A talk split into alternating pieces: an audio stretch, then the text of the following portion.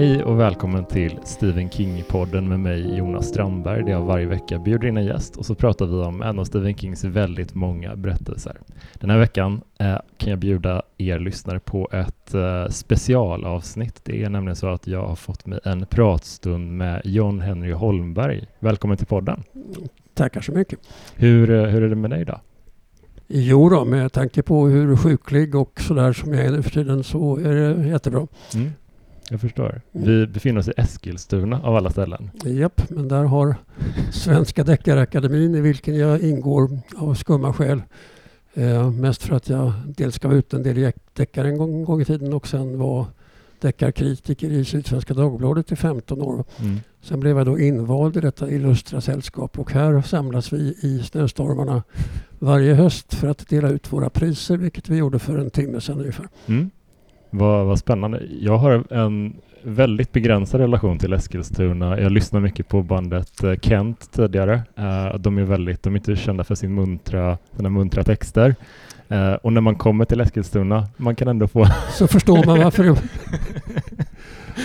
nej, jag har ingen relation till Eskilstuna. Jag har varit här en otrolig massa gånger. Först för att min dotter var gymnast. Så Mm. att hon eh, tränade och tävlade ibland på Eskilstuna som hade en stor gymnastikförening. Mm. Och därefter drabbades man då att även Deckarakademin eh, sedan dottern slutat eh, samlades här årligen. Så att jag har väl varit i Eskilstuna med undantag för pandemiåren ungefär en gång om året i 15 år eller något sånt där. Mm. Eh, därmed inte sagt att det är någon eh, favoritstad. Nej, det, det är väldigt, uh, väldigt speciellt val av, av plats för Deckarakademin får jag säga. Men eh, Det beror ju på att. Deckarbiblioteket är här på Eskilstuna stadsbibliotek. Mm. Och, Mm. och det är då upprättat efter donationer och sånt där av folk i Deckarakademin bland annat. Så att det finns ett avtal med dem om att vi ska ha våra prisutdelningar här. Jag förstår. Mm. Ja, men, kul att få prata med dig i alla fall. Du är känd som en av, eller kanske den mest frekventa översättaren av Stephen Kings böcker. Eh, Ja, det är jag. Eh, Den jag håller på med nu, nästa års, eh, är den 30 bok jag översätter som King har helt eller halvt skrivit. Är det vanligt att en och samma översättare hänger kvar så länge med en författare, skulle du säga? Ja, det är ganska vanligt. Alltså idealiskt så har man samma översättare på samma författares böcker så länge det är möjligt. Mm. Eh, Därför att eh, även om man kan säga att, att översättarens roll är ju att förmedla så har ändå varje översättare en personlig stil på något sätt.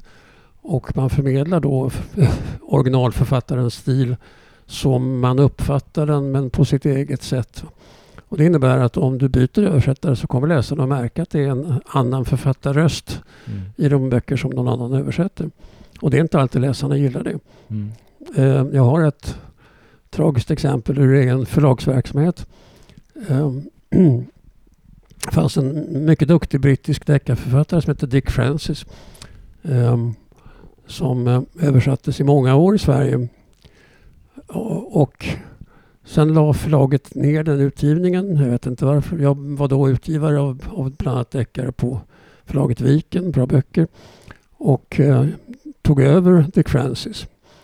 Och eh, när det blev känt, det stod notiser om det här och där, så fick jag faktiskt eh, brev från ett antal inbitna Dick Francis-läsare som tyckte att det var så himla roligt och så för att han- de hade läst alla hans böcker och tyckte att alla utom en var jättebra.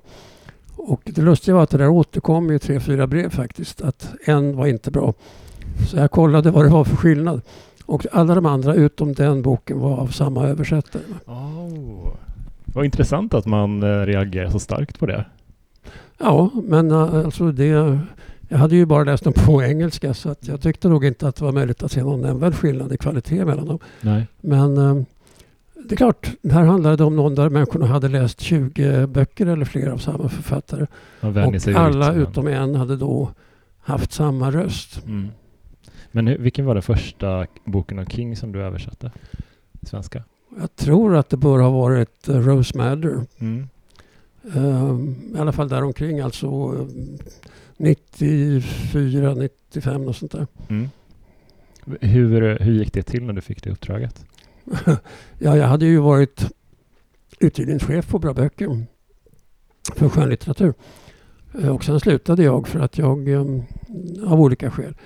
Eh, och ehm, det var möjligen någon eh, vänlighet av min efterträdare på Bra Böcker. För då kom ju Stephen King ut på Bra Böcker. Jag kan skryta med att det var förmodligen jag som fixade det. För att medan jag var kvar så hade jag diskussioner med Kings agent Ralph Vichinanza som jag kände väl eh, om att flytta över honom till Bra Böcker. Tidigare hade vi alltså ett, hade en dubbla avtal i Sverige. Bra Böcker hade bokklubbsrätten till hans böcker men eh, Legenda, tidigare Askild och Kärnekull, mm. eh, hade bokhandelsrätten till dem. Mm.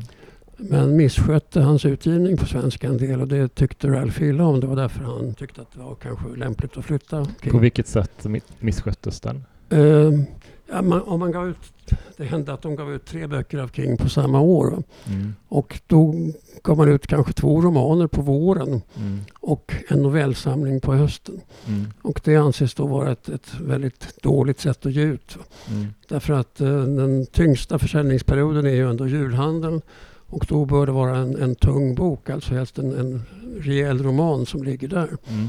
Därför att romanerna säljer bättre än novellsamlingarna.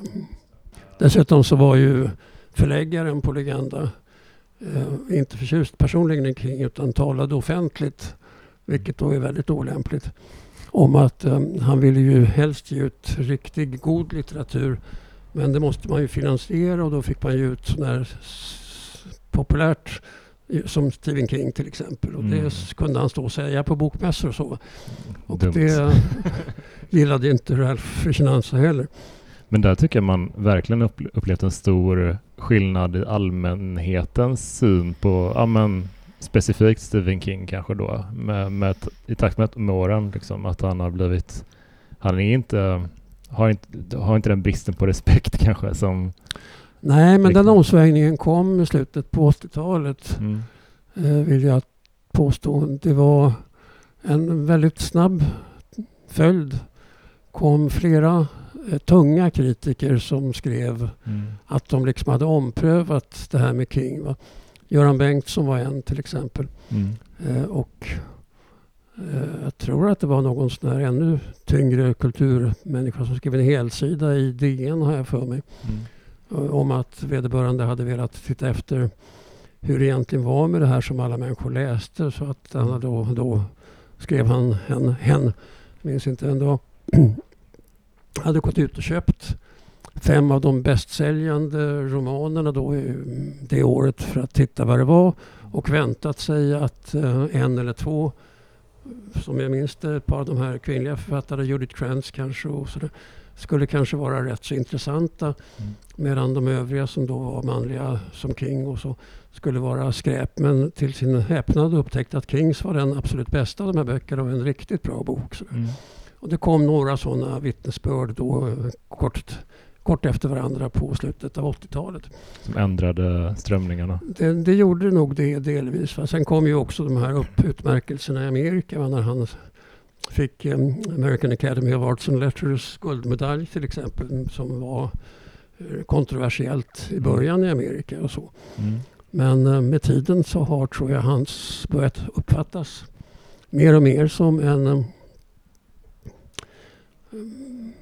ganska seriös författare i varje fall. Kanske inte den mest höglitterära men också som en stor nutidsskildrare. Mm. Vilket ju också är väsentligt som man är en seriös författare. Att det, verkligen funkar att man skildrar tiden på ett övertygande sätt. Men hur var du själv en läsare av Stephen King innan du började översätta honom? Um, ja, lite. Va? Mm. Alltså min, min första King-bok överhuvudtaget var i um, mitten på 80-talet faktiskt. Då uh, pratade folk om honom och han sålde ju överallt och man såg dem. Och jag har alltid, konstigt nog, haft en, en viss förtjusning i att läsa åtminstone en bok av dem som ligger ettor på säljlistor och sånt där för att se vad det är för någonting som funkar. Så det var väl dags att läsa någonting av King och jag läste Pet Cemetery i en amerikansk pocketutgåva Mm. som jag köpte någonstans. Och um, den blev väl i och för sig så blev den förmodligen läst under idealiska förhållanden. För att jag ehm, eh, köpte den väl på järnvägsstationen eller så och jag tror inte jag hade andra böcker med mig också så jag läste inte den utan den började jag läsa den kvällen när jag hade installerat mig hos en väldigt gammal god vän till min mor. Och den här goda vännen bodde i ehm, Tomelilla har jag för mig, alltså någon liten stad på eh, Österlen. Och eh, jag hade aldrig varit där hos hemma hos henne och hennes man. De hade ett trähus av det här knirrande slaget. Mm. Det var märkligt nog faktiskt en sån här mörk och regnig natt. Jag skulle få sova på soffan i vardagsrummet på bottenvåningen. De bodde på andra våningen för det var ett trevåningshus. Eh, Allting släcktes. Man fick en liten lampa på bordet bredvid den här soffan. Regnet piskade. Mm, Allting lät konstigt. Du vet, trädgolvet knarrar. va, Man kände inte igen ljuden någonstans. Och så läste jag Pet Sematary. Eh, Oförglömlig afton. Men det var inte det, alltså det var inte skräckupplevelsen. Jag, jag tyckte den var mycket otäck. Alltså en lyckad skräckroman. Men det som övertygade mig om att King var en bra författare. Mm. Det var sidan två i boken tror jag. Mm. Den här romanen börjar med att hjälten, eller huvudpersonen ska vi säga. Han har inte så mycket hjältar egentligen. Huvudpersonen är läkare vill jag minnas och kör med sin familj för han har fått ett nytt jobb. Han flyttar från Florida till Maine.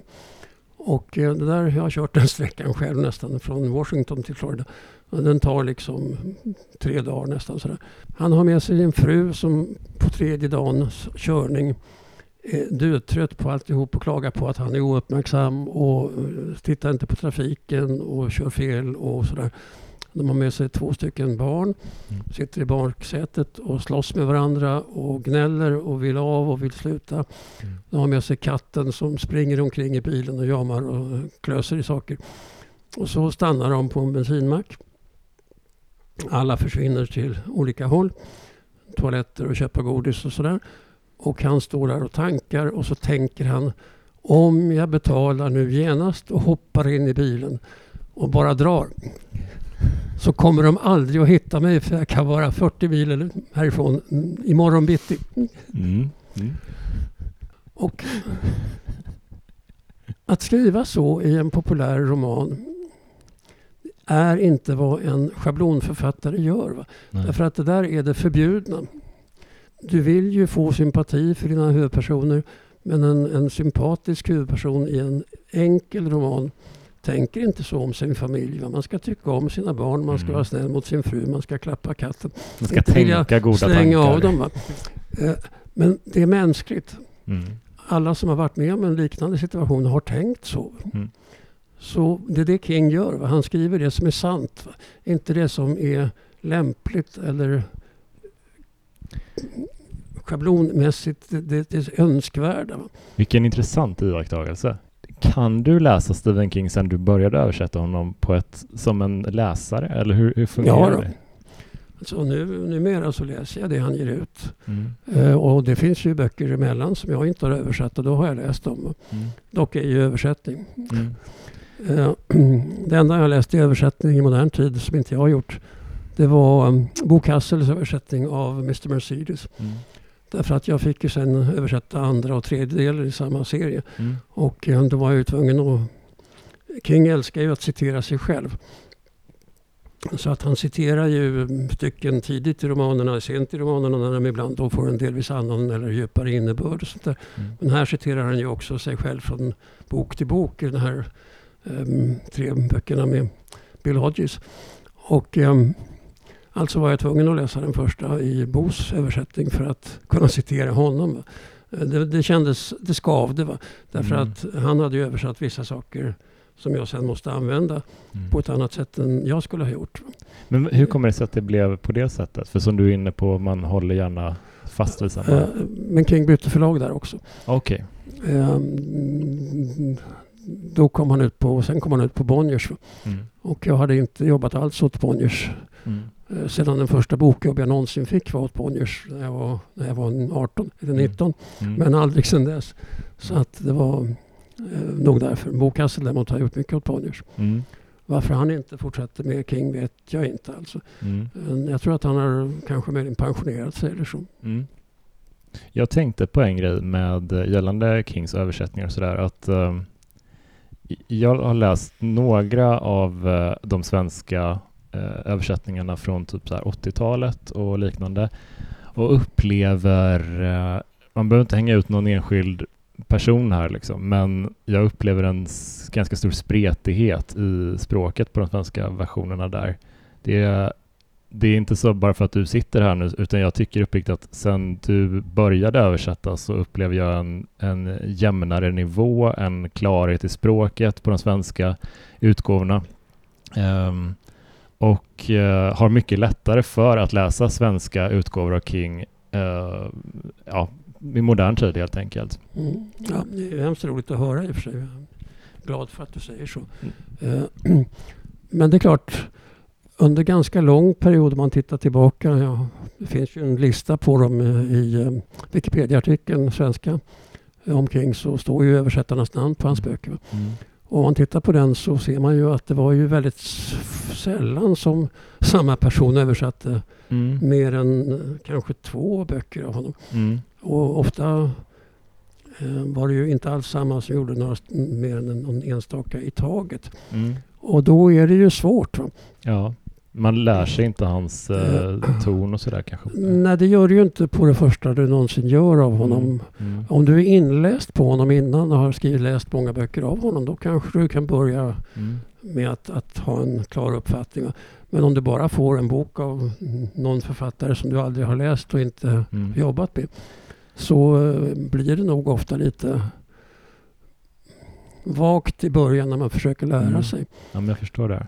Dessutom så var väl vissa av hans översättare var väldigt erfarna översättare. Några andra som har gjort böcker av honom var inte det alls utan kanske ganska oerfarna Mm. översättare. Jag ska inte tala om deras översättarkvalitet för det Mm. bör man inte vara. Men, Mm. men de var väl olika duktiga översättare också kanske. Jo, jo, såklart. Men hur... eh, Mårten Edlund till exempel var en oerhört duktig översättare. Mm. Det är han som gjorde, tack och lov, ehm, Different Seasons, de här fyra kortromanerna, eller tre plus en novell. Mm.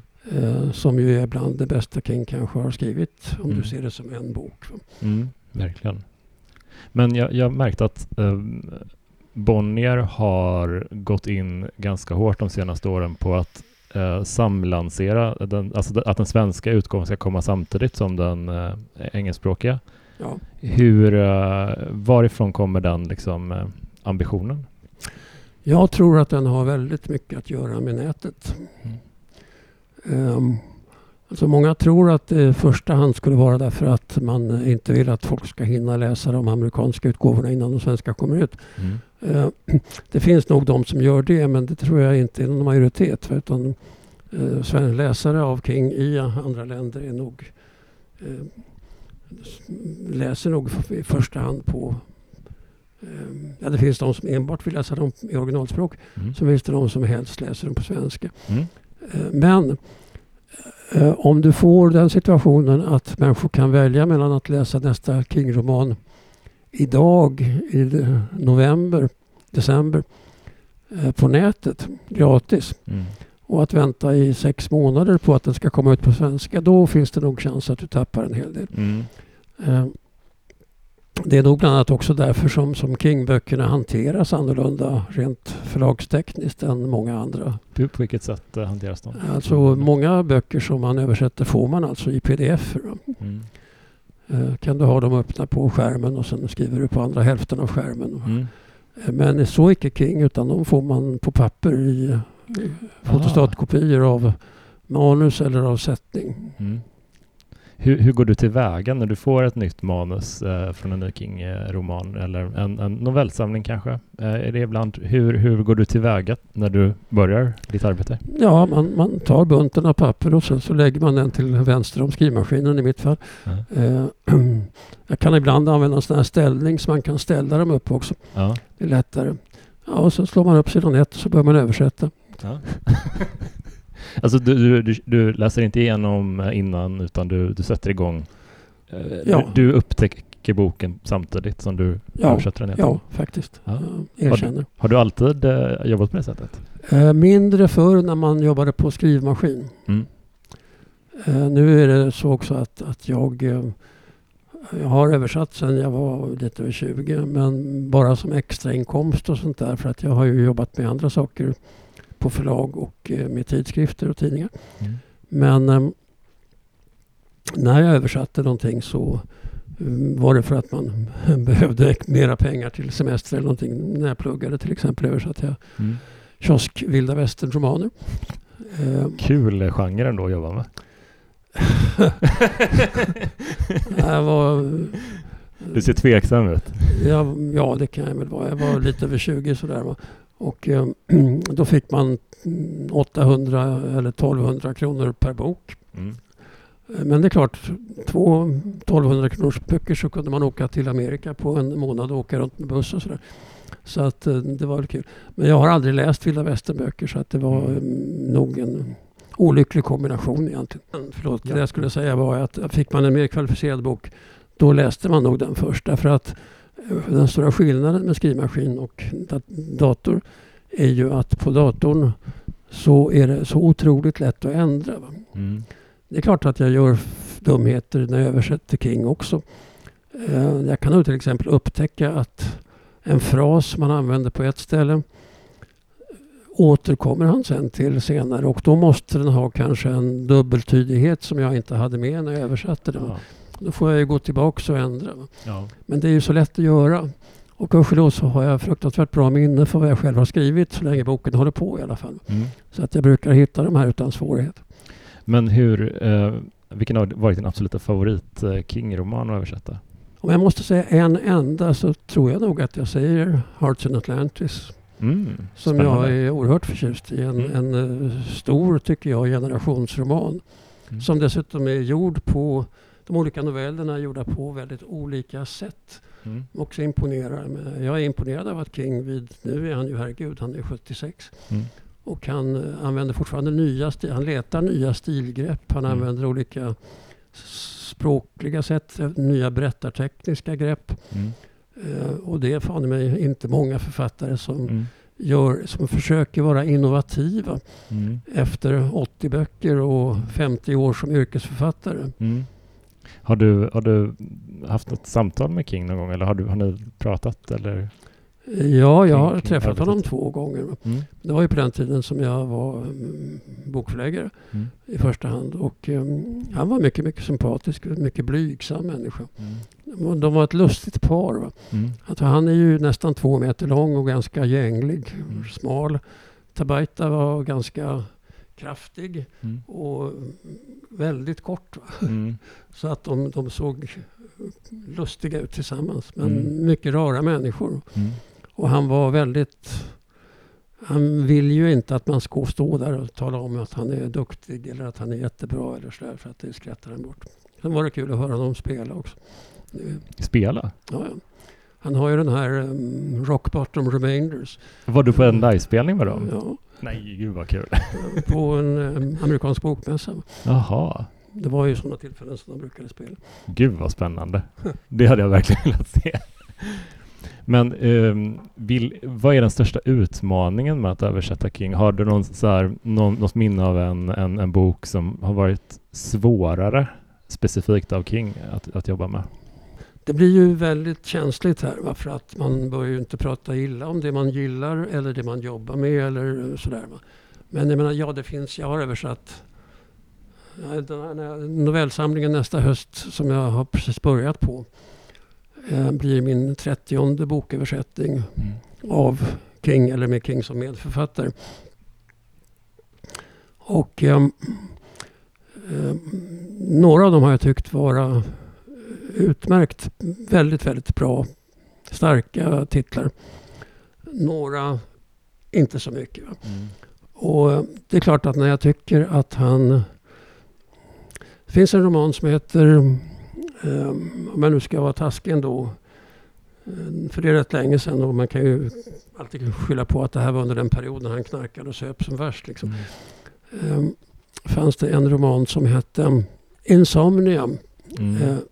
Sömnlös. innehåller en scen när huvudpersonen och eh, de här ödena som den handlar ju om Klotto och de andra grekiska ödesgudinnorna faktiskt. När ett gäng av de här människorna, eller gudarna, står på ett tak och diskuterar läget mm. i sådär 60 sidor.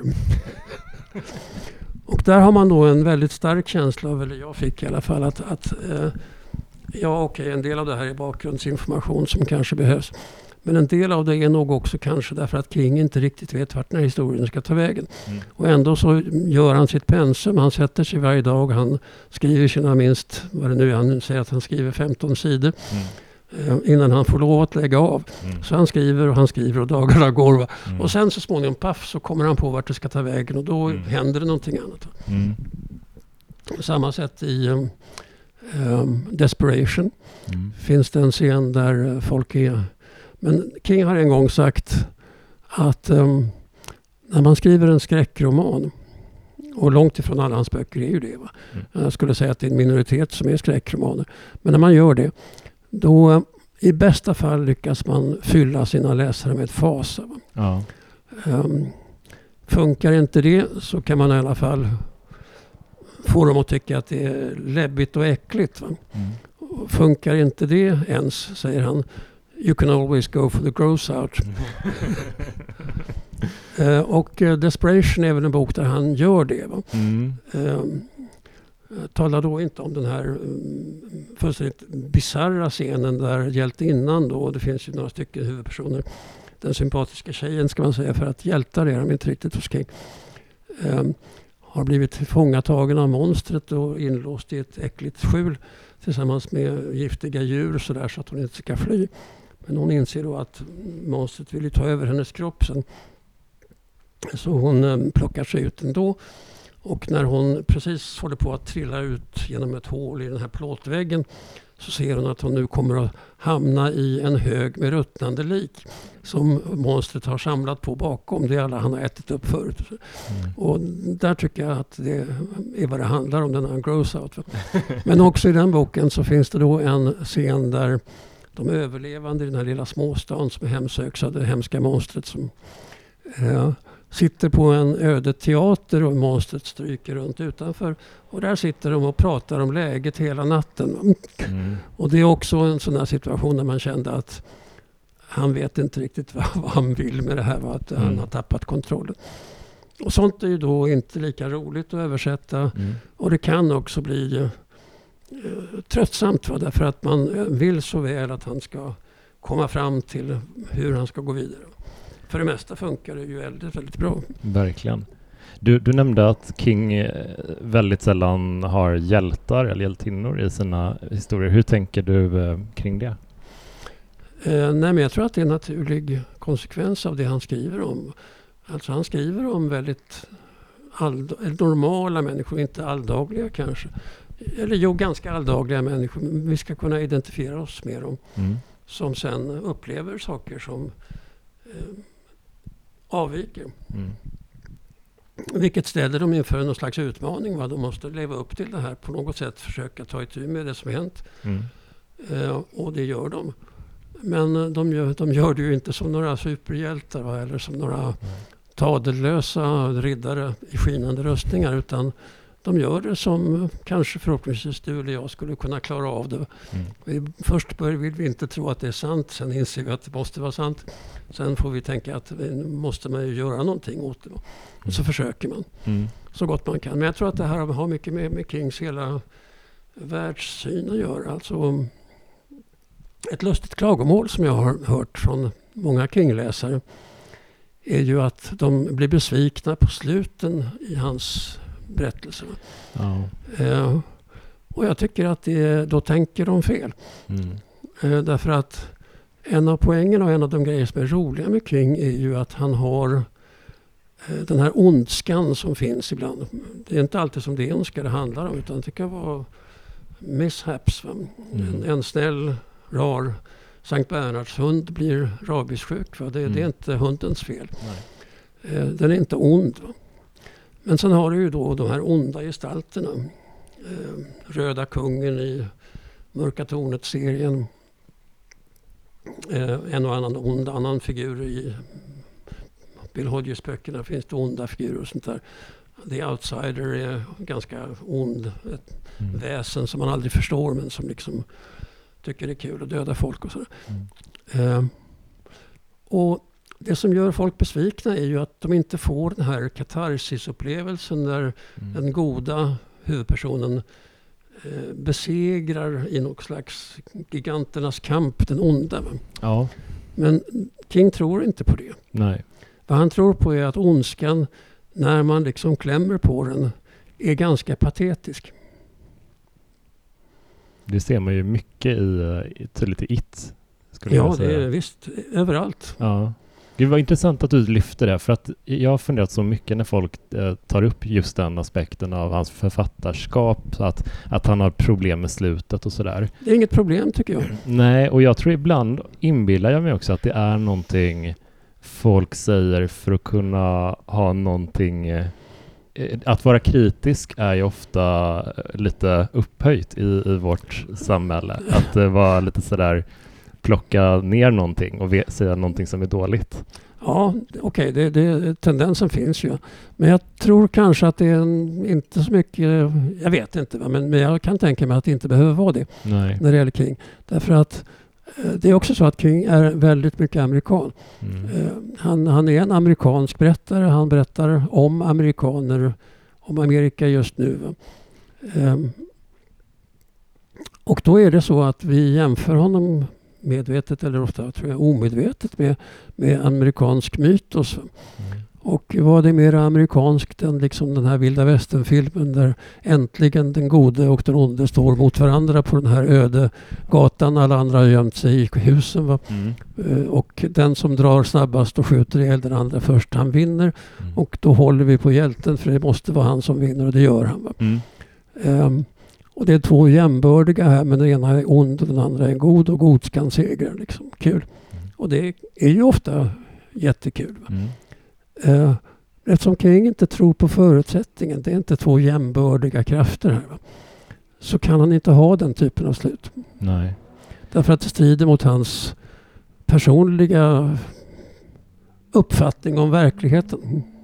Det är intressant att du lyfter just uh, western uh parallellen där för att jag tänker en del på hur King gillar att flörta med westernestetik. Eh, titta bara på Mörka tornet ja. och Jo, eh, men det har han ju sagt uttryckligen. Sergio Leone och Tolkien. Liksom. Ja, men en bra mm. mix ändå.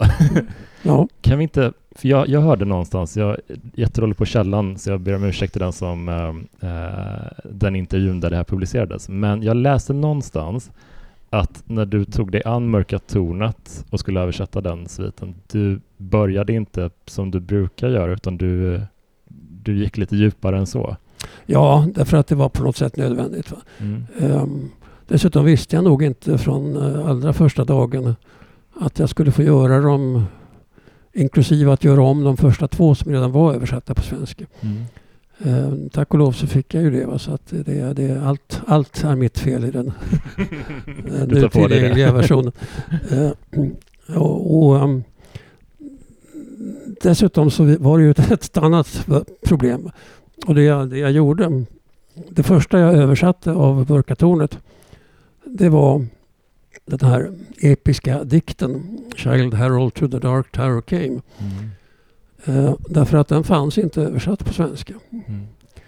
Men den är ju på något sätt central för den gav honom, har han ju sagt också, eh, väldigt mycket inspiration till en hel del av det som händer. Mm.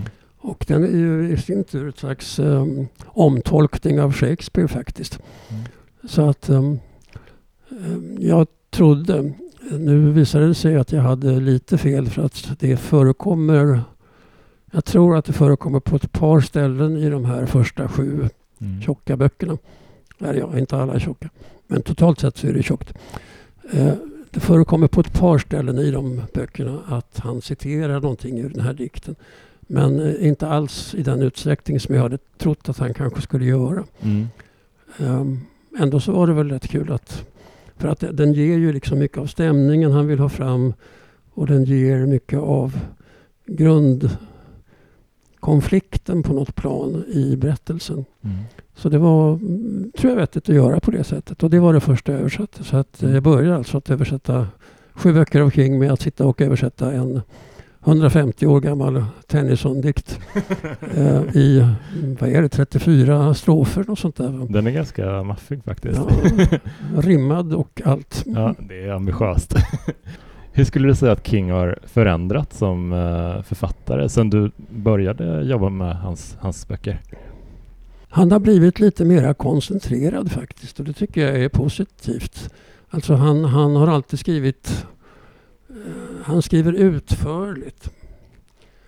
Eh, men det fanns en, en period i början, några av de tidigaste böckerna jag gjorde av honom, när han kunde urarta till att babbla på nästan. Mm. Och det tycker jag inte att han gör längre. Nej. Alltså de, de eh, nya titlarna är väldigt starka, flera av dem. Alltså jag tyckte till exempel att um, Billy Summers tyckte jag var en lysande roman. Mm. Mycket, dessutom komplex i berättandet. Ja. Lägg märke till att den berättas av fyra olika berättarröster. ja, det är sant. Hur var det som översättare att jobba med en så, sånt?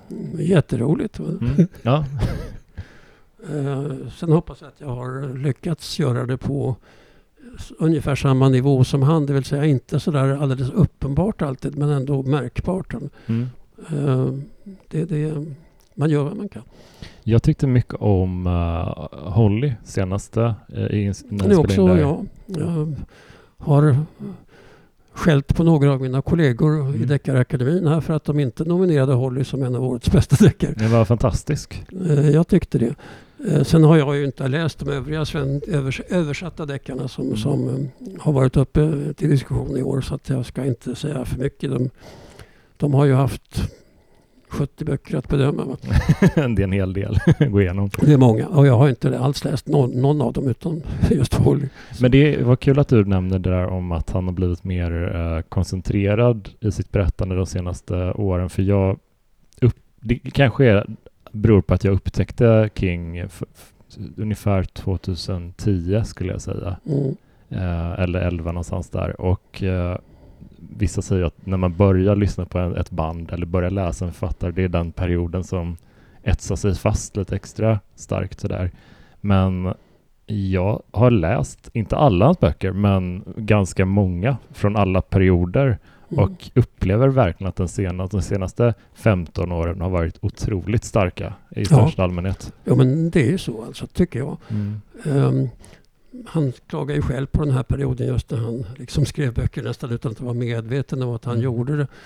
Eh, Därför att han levde i detta drogrus.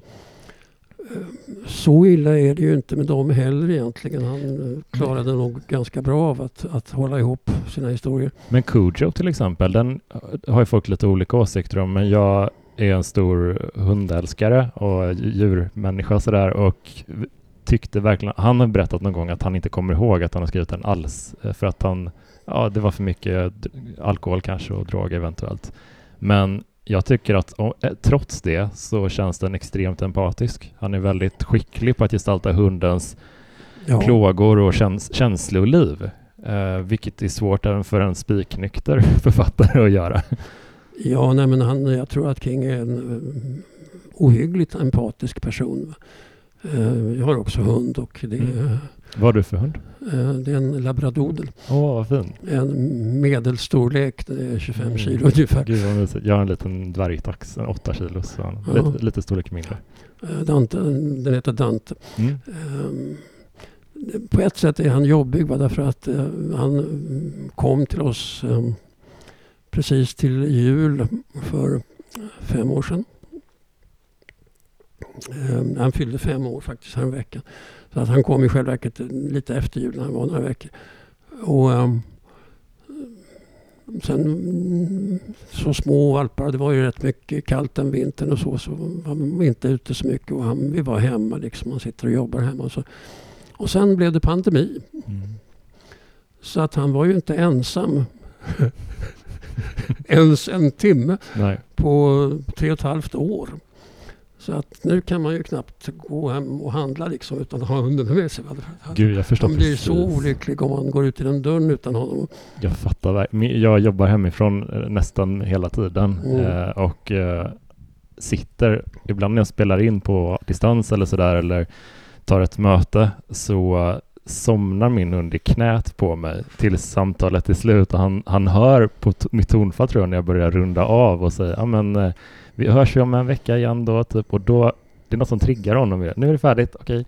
Så att vi umgås fysiskt väldigt mycket hela tiden, att han är nära liksom Mm. i rummet eller i knät eller liksom Så han är jätteledsen för att du sitter här i Eskilstuna. Han är faktiskt med, eh, följde med min tjej till Linköping idag så att eh, han har ändå sällskap hela tiden. Okej. Eh, så det är väldigt skönt. Men jag, jag har ju dåligt samvete för det annars liksom. Ja, jo, men det får man ju.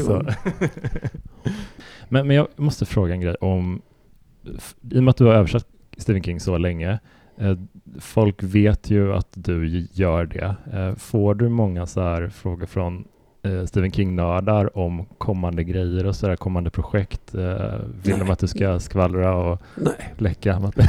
nej. Nej, det får jag faktiskt inte. Men hur, hur ser ett, alltså hur hårt är trycket att, att du inte får berätta saker och ting från kommande, kommande böcker? Det, det är inte hårt på det sättet. Det, det bara påpekas att man, man, man ska inte göra så. Mm. Då gör man inte så. Nej. Alltså jag har ju suttit på andra sidan skrivbordet också. Ja. Eh, och vet hur, hur det känns att vara förläggare. Och Mm. om du plötsligt har någon medarbetare som, som skvallrar om saker och ting som du inte vill kommer ut så blir du ju inte glad på den personen. Nej, Så då klart. gör man inte så. Jag fattar. Under de här snart 30 böckerna, vad har varit det absolut roligaste med att översätta Stephen King? Hans språk, tycker jag. Alltså han, jag, jag är oerhört förtjust i Kings språk. Han, han har en fenomenal språkkänsla. Och när jag har blivit om, ombedd att diskutera King, vilket har hänt då och då, särskilt när man sitter i paneldiskussioner och sådär, ehm, så tycker jag att den författare man kan jämföra honom med är ju inte moderna författare så mycket. Utan ehm, jag skulle säga att han eh, spelar samma roll i dagens amerikanska verklighet som, som Charles Dickens kanske i den brittiska mitten av 1800-talet. Alltså han är en skildrare av, av samhällsliv. Ehm, I och för sig koncentrerad och han, han har ju få berättelser som utspelas i storstäder. Va? Men sidan, det, det är en minoritet av det amerikanska folket lever i storstäder. Så det, när bygemenskapen, småstaden är fortfarande hjärtlandet i Amerika och det är det han skildrar Mm. med motsättningar och allt. Och han gör det på ett språk som han eh, väldigt skickligt kan variera så att det ibland kan bli po- poetiskt, ibland kan bli väldigt vardagligt, vulgärt. Eh, andra gånger suggestivt, mångbottnat. Eh, och dessutom eh, jag har översatt mycket. Va? Sen, sen jag började göra översätta på heltid och det har jag på med nu i 15 år ungefär. Mm. Ehm, Så har jag gjort Totalt sett har jag väl översatt ett par hundra böcker i alla fall.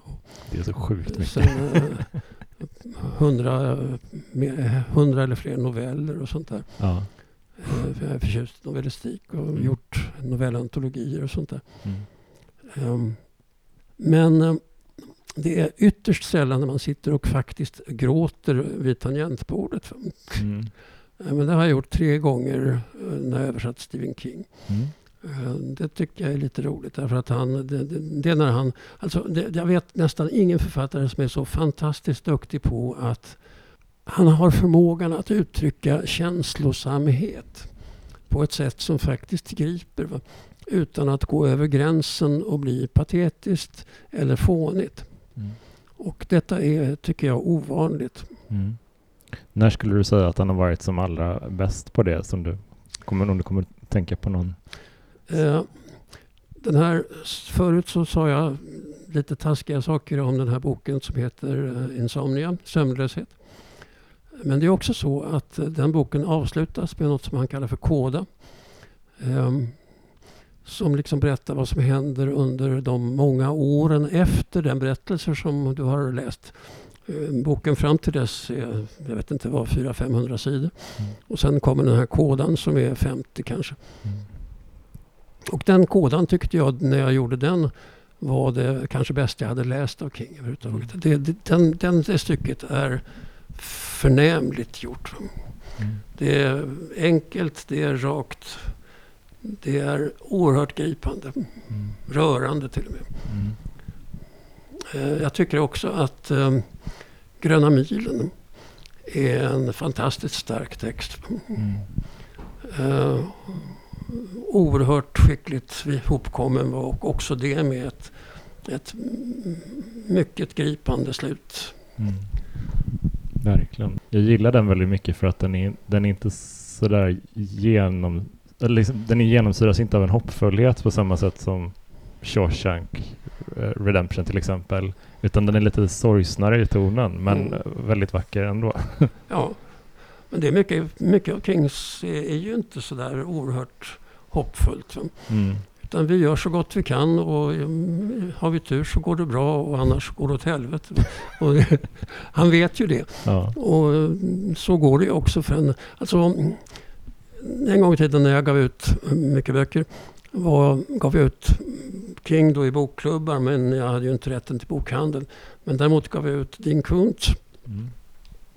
Eh, Och han blev ju då eh, en av mina stora bästsäljare. Mm. Eh, Och jag fick ofta frågor från folk då som undrade vad jag tyckte om dem. Vad, vad, de sa att ja, King och Kuntz är jättebra, de två är bäst. Och så.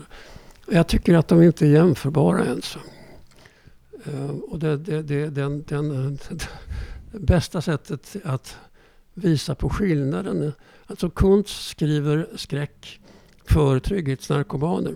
Att om du läser en Kuntz-roman så vet du att huvudpersonen kommer att klara sig och ha ihjäl monstret. Hans flickvän, för det brukar vara så, eh, att det är en han och så är det, har han en flickvän. Hon kommer också klara sig. Och har de en hund så kommer hunden, till och med hunden att klara sig. Eh, och hos King kan du aldrig vara säker på det. Nej. Allihop kan dö. Mm. Till och med, alltså, jag håller på och läser om um, eh, Under the Dome nu inför ett kommande poddavsnitt och den öppningen är ju riktigt stark alltså. För att vi, vi presenteras för en, en handfull karaktärer precis innan kupolen slår ner över den här lilla Chester's Mill, den här lilla staden. Och vi vet inte vem som vem som ska vara en viktig spelare i historien. Man har ingen aning. En, en, en del stryker med, en del klarar sig, men vi vet inte. Det, är- Mm. det är väldigt snyggt. Ja, sen kan man ju säga att hans själva avrundning, det här med att det visar sig att det är någon han har dessutom snott det. Det är en ganska Ah. berömd eh, science fiction-novell av Henry Cutter, vill jag minnas, från 40-talet. Ah, shit. Det hade jag ingen aning eh, King var ju SF-entusiast i början. Han, han är väl en av de två som jag har någonstans sett säga, eller bägge två var för sig alltså, att de gärna skulle ha skrivit science fiction mm. eh, men inte kunde därför att de fattade för lite av vetenskap och teknik. och den ena är King, den andra var Ray Bradbury. Det är ödmjukt. Nej, det är sant. Ja. Men det har varit superintressant att prata med dig, Johnny. Jättekul att du ville vara med i Stephen King-podden och, och jättespännande att få höra om arbetet bakom eh, översättningsarbetet. Och det, jag var helt, eh, ja men verkligen golvad över hur mycket jobb som går in i det. Kan du säga någonting om den kommande? Eller får du det? Nej, det, jag kan ju säga det som alla vet. Va? Det, det är en, alltså en samling noveller. Det är, de är totalt sett, eh, jag tror det är 12 Mm. totalt. Fem är tidigare publicerade. Mm. De övriga är nu skrivna för boken. Mm. Om dem kan jag förstås inte säga något utom att den allra första är en, så pass lång att den är en, nästan en kort roman. Mm. Och den kommer kanske släppas parallellt med, alltså Den. Så vitt jag förstår ska den ju komma ut samtidigt som den amerikanska originalutgåvan. Kul. Det, det kommer mina lyssnare bli Om jätteglada. förlaget har tur så kanske de släpper den två dagar innan. Då Shit. kan det bli som i It, att den svenska första upplagan eh, kommer att kosta tusentals kronor. Det är ändå Bland otroligt. alla King-samlare som måste ha den autentiska första upplagan, den först släppta. Jag uppmanar alla lyssnare att hålla ett öga Eh, i eh, alla bokhandlar inför släppet. Återigen, tack för att du var med på podden John Henry. Det var väldigt kul eh, och hoppas att ni som har lyssnat har haft en, en härlig stund så hörs vi i Facebookgruppen till den här podden som heter Stephen King-podden Eftersnack och där, där brukar mina lyssnare hoppa in och bara kasta in frågor och tankar och känslor och funderingar och allt möjligt. Så var beredd på det inför avsnittet. Får väl koppla in mig då. Yes. så uh, ja, men vi hörs uh, i podden om en vecka igen om en, uh, en riktigt spännande novell faktiskt. Hej då!